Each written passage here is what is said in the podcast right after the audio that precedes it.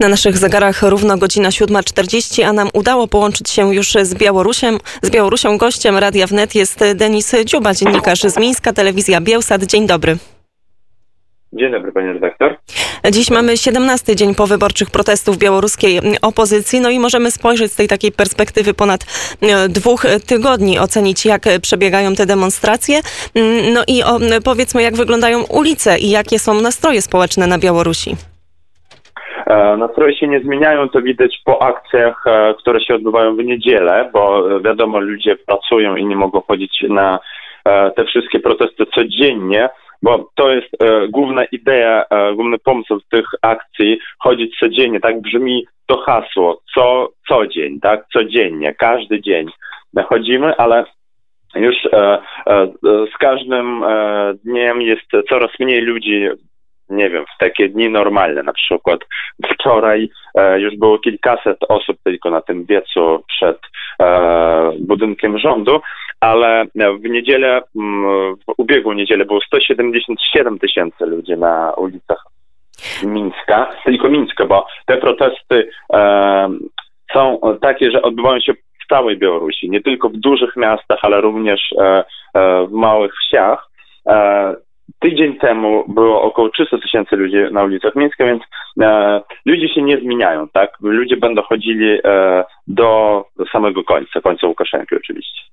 Prezydent Aleksander Łukaszenka zapowiedział, że od poniedziałku podejście do, do, protestujących będzie dużo bardziej surowe, no i chyba faktycznie e, trochę, trochę już to widać. Wiemy o przesłuchaniach, wiemy, że wzywani są na nie liderzy komitetów strajkowych z zakładów pracy. E, jak wygląda ten stosunek milicji białoruskiej do demonstrujących? To prawda, to już e, jest wyczuwalne w atmosferze. Wczoraj byłem na tym wiecu wieczorem, już było ciemno i jak jest ciemno, to e, oni się budzą, te wszystkie siły ciemne.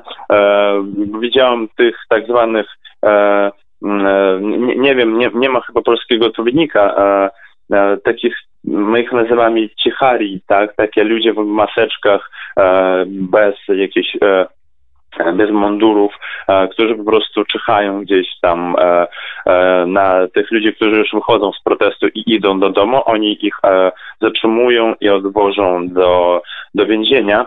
Wczoraj na przykład stało wiadomo, że nasza noblistka Światłana Aleksiejewicz była wezwana do Komitetu Śledczego w związku z udziałem w Radzie Koordynacyjnej. Ona tam nie pełni żadnych e, funkcji poza byciem takim e, autorytetem moralnym, więc to takie e, społeczeństwo to odbiera jako kolejne dno, tak? Z, e, z każdym dniem władza po prostu przybija e, nowe dno.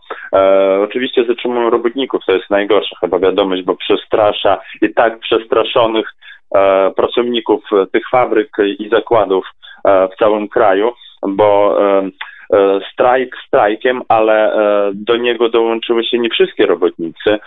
W zakładach na przykład traktorów w Mińsku, gdzie pracuje 17, 17 tysięcy ludzi, strajkują tylko od 200 do 300 ludzi. Co musiałoby y, się zmienić, jak rozmawia pan z, demonstran z demonstrantami, rozmawia pan e, z Białorusinami, to trosze troszeczkę jest tak, że te demonstracje nie mają jakiegoś, e, jakiegoś jednego lidera. E, co takie oprócz odejścia Aleksandra Łukaszenki, co jest oczywiste, co jeszcze musiałoby się zmienić, żeby te nastroje się uspokoiły i żeby Białorusini uznali, że uzyskali to, po co wychodzą na ulicę?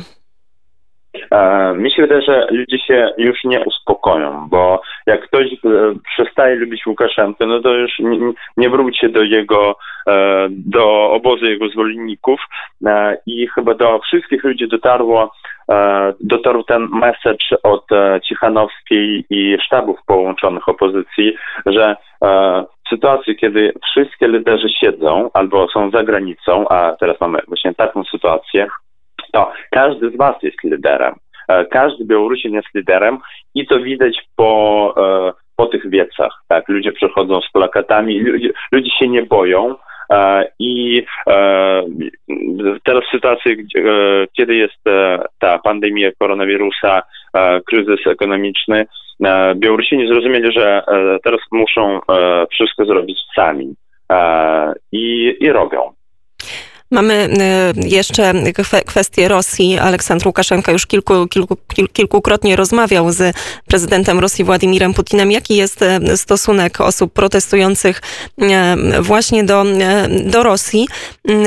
I pytanie, czy nie boją się na przykład podobnego scenariusza, z jakim mie- mieliśmy miejsce na Ukrainie kilka lat temu i który trwa i konsekwencje ma do tej pory? E, No oczywiście się boją czołgów e, rosyjskich, ale to nie jest e, taki poważny strach, raczej się boją samego Łukaszenki, który podczas kampanii wyborczej się wypowiadał o wszystkich swoich oponentach jako o prorosyjskich aktorach politycznych, a teraz nagle rzuca na nich to, że oni są proeuropejscy, a my jesteśmy z Rosją, e, dzwoni codziennie do Putina, ale mm, e, mi się wydaje, że ludzie widzą, że Putin nie śpieszy się z pomocą Łukaszence, bo oni się nawzajem nie bardzo się lubią i teraz mi się wydaje, e, Putin po prostu nie wie, kto może być na, na jego miejscu, a również w jaki sposób ta władza może się zmienić, ale raczej e, Łukaszenki czołgami e, nie będzie bronił. Dziś ma odbyć się nadzwyczajne posiedzenie Komisji Spraw Zagranicznych Parlamentu Europejskiego właśnie na temat Białorusi. Jak rozmawia pan z osobami, które protestują? Jak one oceniają tą reakcję świata zewnętrznego, reakcję Unii Europejskiej, reakcję Polski na to, co dzieje się na Białorusi?